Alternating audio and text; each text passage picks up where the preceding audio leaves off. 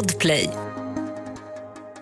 Du vet väl om att du kan lyssna på avsnitten av Fallen jag aldrig glömmer en dag före alla andra. Redan på torsdagar kan du lyssna på podden på podplay.se eller i appen Podplay. Och naturligtvis är det gratis.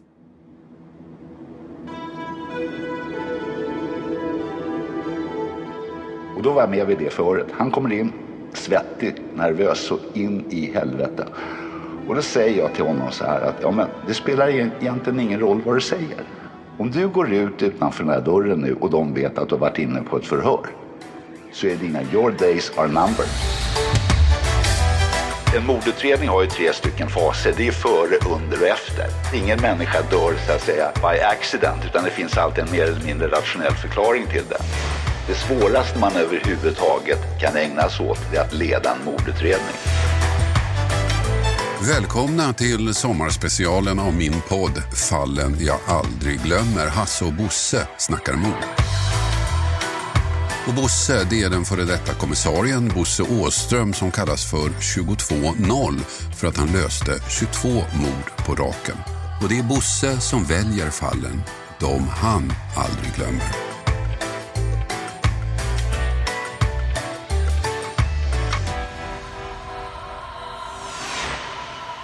Korruptionens grepp. Hittills har vi fokuserat på mord i Sverige. Men det här avsnittet blir annorlunda. Den här gången ska vi bege oss ut i världen. Till ett land där de stora frågorna i utredningen inte handlar om bevis, om spår eller om vittnesmål. Nej, där den avgörande frågan är vem kan man lita på? Och då pratar vi om utredaren. Är han eller hon en seriös kollega eller är han eller hon korrumperad? Vi ska till ett land där polisens metoder ofta är olagliga, där brottslingar kan köpa sig fria, där kopplingar till de kriminella gängen går högt upp i parlamentet. Ett land dit Bosse aldrig sökt sig till men hamnade i ändå och får vara med om ett fall som går över alla gränser när det gäller ondska, falskhet, likgiltighet och girighet. Ett fall som visar rättssystemets kollaps i all sin tydlighet. Men också ett fall där människans inre godhet får en avgörande roll. För Bosses del började allt med att han håller ett föredrag i Bryssel. Jag höll ett föredrag på en open hearing i Europaparlamentet i Bryssel. Och där det fanns en, en svensk i, i publiken som efteråt kom fram och så snackade med varandra och så bytte vi kort. Och det visade sig att det här var en av Sveriges topp, sedermera eh, toppdiplomater som då var Sveriges delegat då i, i kommittén för Asienfrågor inom eh, EU-kommissionen. Vad Bosse inte vet att nästa dag hålls en annan konferens inom EU som handlar just om Asien eller närmare bestämt Filippinerna där diplomaten han nyss träffat är en av deltagarna. Det var den filippinska presidenten som efterlyste hjälp från EU att lösa problemen med mord i landet. Över tusen olösta mord per år. Och då ställde den finska ordförande har vi några experter bland medlemsstaterna som kan åka till Filippinerna och göra en fact-finding och feasibility assignment? Eh, och då den här svenska toppdiplomaten, han tar upp mitt visitkort och säger ja, Sverige, vi har en. Och då Bo Åström. Bosse är inte ens med på mötet och ingen frågar honom vad han tycker. Så att kort därefter så får jag bara ett samtal, så här, packa resväskan, du ska till Filippinerna. Och det är inte, en, det är inte ett önskemål, utan det är en order. Det är bara att åka. Det här kommer från departementet. Det här blir den första av många resor fram och tillbaka till Filippinerna med olika uppdrag, mest byråkratiska.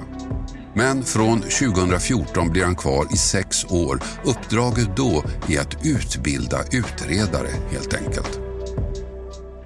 Och under den här tiden så gör ju jag massa saker för att, så att säga, förstärka kompetensen och få en spetskompetens. Jag säger att har ni tusen mord i månaden och bland dem det man kallar för utomrättsliga avrättningar med mer så kan inte ni sköta det på den lokala nivån. Ni måste ha en spjutspetskompetens. Så vi kör igång ett långt, långt, långt utbildningsprogram eh, där de får bli detectives gå omkring i civila kläder, de får en egen eh, bricka med mera. Och det lustiga i det sammanhanget, är att när utbildningen är klar i, eh, eh, strax före jul så går det en månad och sen mördas en journalist nere i Palawan som heter Jerry Ortega. Ortega var en känd journalist och aktivist, kritisk mot mycket av det myndigheterna höll på med, gruvfrågor, korruption och annat. Och det här mordet blev det första som Åströms nyutbildade grupp fick ta sig an. Och just vid det här tillfället så är de som är utbildade, de är i tjänst. Så inom bara några timmar så är gärningsmannen gripen, vapnet är hittat, vem som plockade upp honom på flygplatsen, logistiken och allting leder upp till två stycken högt uppsatta politiker som dessutom är, är bröder med varandra. Så det mordet klaras upp och är rekordtid i det, i, i det filippinska rättssystemet. Men trots framgången i det här enskilda ärendet blev det ingen större förändring i rättssystemet. Det blev inte bättre. Tvärtom. Med den nya presidenten 2016 blev det värre. Mycket värre. Han gick till val på att krossa brottsligheten och de metoder som polisen använde sig av var för att uttrycka det milt inte särskilt rättssäkra. De får grönt ljus att göra vad som helst för att stoppa den i landet enorma kriminaliteten. Och det här leder till att plötsligt så blir det vilda västern. Knarklangare, knarkare de skjuts, de dör som flugor och de lämnas döende på marken med en eh, handskriven kartongskiva på där det står Don't emulate me. Härma inte mig för då ser du hur det går. Mm.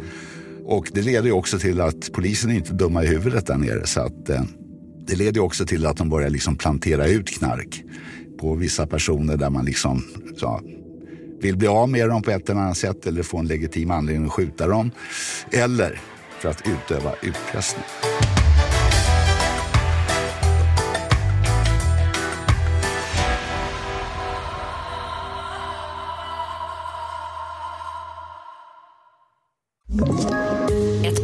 Poddtips från Podplay. I podden Något Kaiko garanterar östgötarna Brutti och jag, Davva, dig en stor dos skratt. Där följer jag pladask för köttätandet igen. Man är lite som en jävla vampyr. Man har fått lite blodsmak och då måste man ha mer. Udda spaningar, fängslande anekdoter och en och annan arg rant. Jag måste ha mitt kaffe på morgonen för annars är jag ingen trevlig människa. Då är du ingen trevlig människa, punkt. Något Kaiko, hör du på Podplay. Därför är Och det är i den här vevan som det inträffar, fallet i Filippinerna som Bosse aldrig glömmer. Ibland diskuterar vi rättssystemet i Sverige, ibland är vi kritiska mot de åtgärder som sätts in. Men Filippinerna är en annan värld, ett annat system, något vi inte kan föreställa oss. Det här fallet börjar med att polisen slår till hos en koreansk affärsman och han grips. Anledningen sägs vara att han misstänks vara inblandad i narkotikaaffärer. Men det är en bluff. Gripandet är ingen officiell åtgärd, ingen del av en pågående utredning. Nej, det är början på ett brott. Ett brott där det inte är koreanen som är skyldig utan poliserna som är inblandade. Det är de som är gärningsmännen, det är de som är skurkarna. Det är en koreansk affärsman som är verksam i Filippinerna, väldigt, väldigt framgångsrik. Polisen gör ett tillslag i hans bostad, planterar ut knark, beslagtar knarket och kidnappar eller griper inom citationstecken den här eh, affärsmannen och tar med deras eller familjens eh, ja, inhemska filippinska eh, hemhjälp. De kör direkt till polishögkvarteret i Camp Crame där man sätter en plastpåse över huvudet på den koreanska affärsmannen, stryper honom, släpper det filippinska eh, hembiträdet. Men vänta, nu måste bara stoppa. Alltså det är poliserna tar den här affärsmannen och mördar honom. Ja, exakt. Efter mordet gör sig polismännen av med kroppen. De tar den döda kroppen efter koreanska affärsmannen och för till en pensionerad polisöverste som hade en begravningsbyrå och ett krematorium, bränner upp liket och spolar ner askan i toaletten. Och som tack för hjälpen så får den pensionerade polisen offrets golfbag med golfklubbor i. Motivet för det här brottet är som många gånger annars pengar. De inblandade poliserna tar kontakt med mannens änka och erbjuder henne att lägga ner anklagelserna mot maken och släppa honom om de får pengar. Vad de inte berättar är att han redan är död. 20 miljoner svenska kronor så släpper vi knarkanklagelserna och försätter honom på fri fot. Och hustrun säger då så här, jag kan inte betala den summan pengar. Jag vet ju inte ens om han lever. Jag måste ha någon form av proof of life. Ja, och det får hon naturligtvis inte, men betalar ut halva summan. Halva summan, alltså motsvarande 10 miljoner svenska kronor, får alltså de inblandade poliserna av änkan och så långt ser allt att gå enligt planen. Men en sak börjar oroa de inblandade. Hembiträdet. Hon som bevittnat mordet. Hon som de släppte. Var är hon? Ingen har sett till henne sedan mordet. Tiden går och eh, efter ett par månader så börjar de här poliserna, det är 18 poliser totalt som är inblandade, så börjar de fundera på vad fan tog det här hembiträdet vägen någonstans? Hon är ju liksom bortspolad från jordens yta. Har de gått in i någon form av vittnesskyddsprogram? Håller på att gola ner oss? Har vi spaning på oss? De har varit mer eller mindre paranoida. Ett vittne finns alltså. Ett vittne vars frånvaro oroar de inblandade poliserna. Ett vittne man tar till obegripligt grymma metoder för att hitta. Så för att ta reda på vad hembiträdet tagit vägen så kidnappar de hennes bror för att fråga var är hon någonstans. Och han kan inte svara på det, han har inte en vittnessusning om det. Så de torterar honom till döds. Vi stannar där en stund. Låt oss försöka ta in vad som har hänt. 18 poliser griper alltså en koreansk affärsman under ett falskt ingripande. De tar honom till polisstationen där de mitt framför ögonen på hembiträdet som de också tagit till stationen dödar affärsmannen direkt. De släpper hembiträdet övertygade om att hon inte vågar berätta för någon vad hon sett och så pressar de affärsmannens fru på motsvarande 10 miljoner kronor. Och sen, när de inte hittar hembiträdet kidnappar de hennes bror och torterar honom till döds. Och det är nu Bosse kommer in i bilden och historiens hjälte eller hjältinna. För Bosse vet inget av det som har hänt. Men efter en tid ringer telefonen. Och sen går det ytterligare ett tag och så får jag ett samtal ifrån en person ifrån Human Rights Watch. Human Rights Watch är en organisation som arbetar för mänskliga rättigheter i utsatta länder och för ett fungerande rättssystem. Deras verksamhet består av olika delar. En av dem är vittnesskydd. Att skydda vittnen som sett något och därför lever under hot. Och det är därför som de ringer Bosse. Human Rights Watch kontaktar mig och berättar att det finns en person som har viktig information om vad det gäller korruption och brottslighet inom polisen. Och hon vill gärna träffa dig.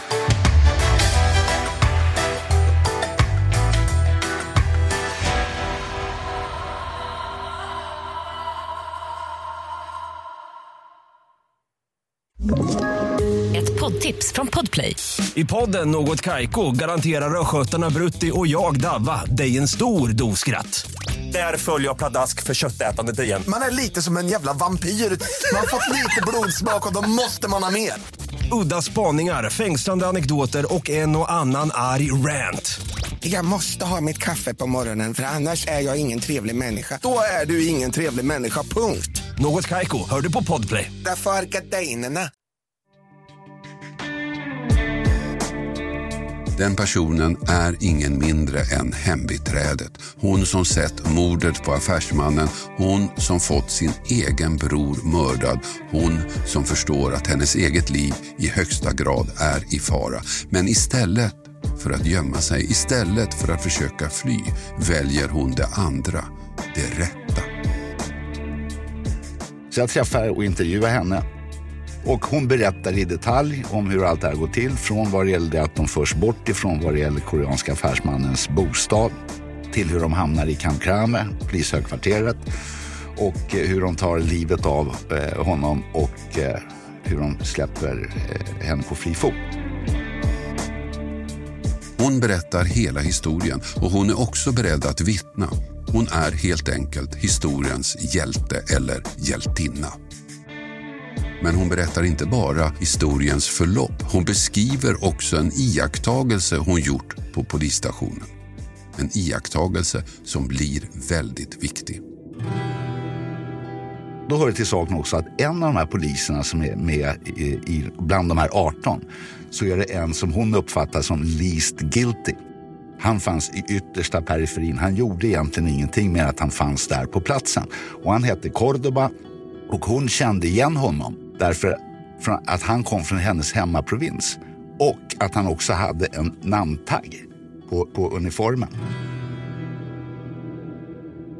Med all den här informationen tar nu Bosse kontakt med den polis som är chef för den nationella delen av filippinska poliskåren och lägger bevisen på bordet. Och så drar jag härifrån va? och säger så här, nu är det bara på det sättet att agera. Vi måste göra någonting. Och han skruvar på sig som fan. Så, ja, ah, men Bo, du vet ju att jag har största förtroendet för dig och sådana grejer. Men, men eh, det här är ju jävligt känsligt. Ja, känsligt var väl ändå något av en underdrift.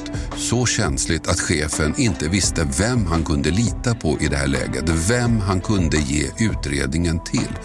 Så trots att Bosse Åström egentligen inte hade några befogenheter i Filippinerna, han var ju där för att utbilda, så slutade det med att han fick ta ansvaret. Utredningen blev hans. Han får ett utredningsteam, han utser en chef och så sätter de igång. Och det börjar med vad Bosse anser vara den svagaste länken bland de som utfört dådet, nämligen polisen som hembiträdet tipsat om. Han som gjort minst. Han som heter Cordoba. Han kallas till förhör. Och det blir en ganska grym tillställning. Inte grym på ett olagligt sätt, men tuff för den tilltalade. Han hamnar i en situation där han egentligen inte har något val vilket Bosse påpekar. Och då var jag med vid det förhöret. Han kommer in, svettig, nervös så in i helvete. Och eh, ja, så, han förnekar, han känner till vad, vad vi pratar om och så grejer. Och då säger jag till honom så här att ja, men det spelar e-, egentligen ingen roll vad du säger.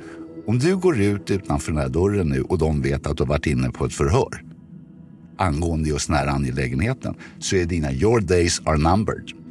Men det finns ett alternativ. Om du berättar en historia som vi kan säga den överensstämmer med vad vi redan vet så kan vi hjälpa dig att gå in i ett vittnesskyddsprogram via justitiedepartementet där jag hade bra kontakter också. Och eh, efter ett stund eh, ja, eftertanke med mera så drar han hela storyn. Och den stämmer helt överens. Och sen åker de andra 17 in på löpande band med en sån här gryningsräd.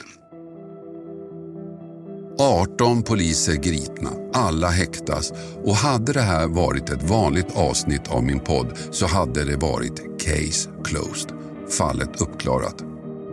Men det här är inget vanligt avsnitt och det här är ingen vanlig historia som utspelar sig i ett modernt rättssamhälle. För Bosses del slutar det inte med en rättegång mot de gripna. Nej, det blir ett helt annat slut. På försommaren, senvåren 2019 och då blev jag uppkallad till eh, den dåvarande EU-ambassadören, en dansk som heter Frans Jessen. Och efter liksom lite gemytligt kallprat så säger han liksom Bo, det var länge sedan du upplevde en svensk sommar va? Ja, det var det verkligen. Ja, jag tycker du ska åka hem. Vi hade kvar pengar. Jag hade tre miljoner euro kvar i mitt projekt. Det var inte slutfört. Vi hade massa aktiviteter planerade. Och då sa han, åk hem och stanna hemma ett par månader så det här får lugna ner sig. Sen kommer du tillbaka och slutför ditt uppdrag. Men någon tillbakaresa blev det inte. Förbindelserna mellan EU och Filippinernas nya president har blivit allt mer frostiga och det har lett till att många biståndsprojekt lagts på is. Så även Bosses. Så där är vi idag. De gripna poliserna sitter fortfarande i fängsligt förvar men ingen vet om det blir rättegång, om de kommer att dömas, om hembiträdet får upprättelse och kan återgå till sitt normala liv. Ingenting av detta är klart. Det kan gå hur som helst. Men Bosse väljer att se positivt på det. Det vet man aldrig. Alltså det är ju så korrumperat. Jag har ju sett fall där åklagare har lagt ner utredningar på väldigt tvivelaktiga grunder och eh, domare dömt väldigt konstigt och sånt där också. Va? Så att det, det, det, är inte givet på något sätt. Va? Men ju längre de sitter, desto större är sannolikheten för att det måste bli ett avslut på något sätt. Den här historien handlar om ett väldigt ovanligt mordfall men det handlar också om vikten av riktiga rättssystem och att vi ibland ska vara tacksamma för att vi bor i det här landet.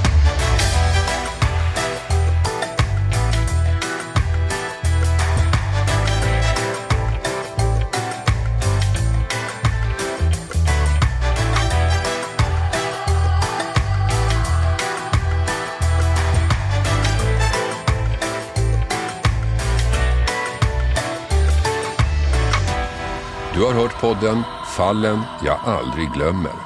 Klippning David Davva Persson. Och jag heter Hasse Aro. Du vet väl om att du kan lyssna på avsnitten av Fallen jag aldrig glömmer en dag före alla andra. Redan på torsdagar kan du lyssna på podden på podplay.se eller i appen Podplay. Och naturligtvis är det gratis. Podplay, en del av Ett poddtips från Podplay.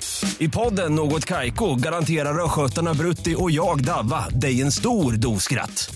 Där följer jag pladask för köttätandet igen. Man är lite som en jävla vampyr. Man har fått lite blodsmak och då måste man ha mer. Udda spaningar, fängslande anekdoter och en och annan arg rant. Jag måste ha mitt kaffe på morgonen för annars är jag ingen trevlig människa. Då är du ingen trevlig människa, punkt. Något Kaiko, hör du på Podplay. Därför arkadeinerna.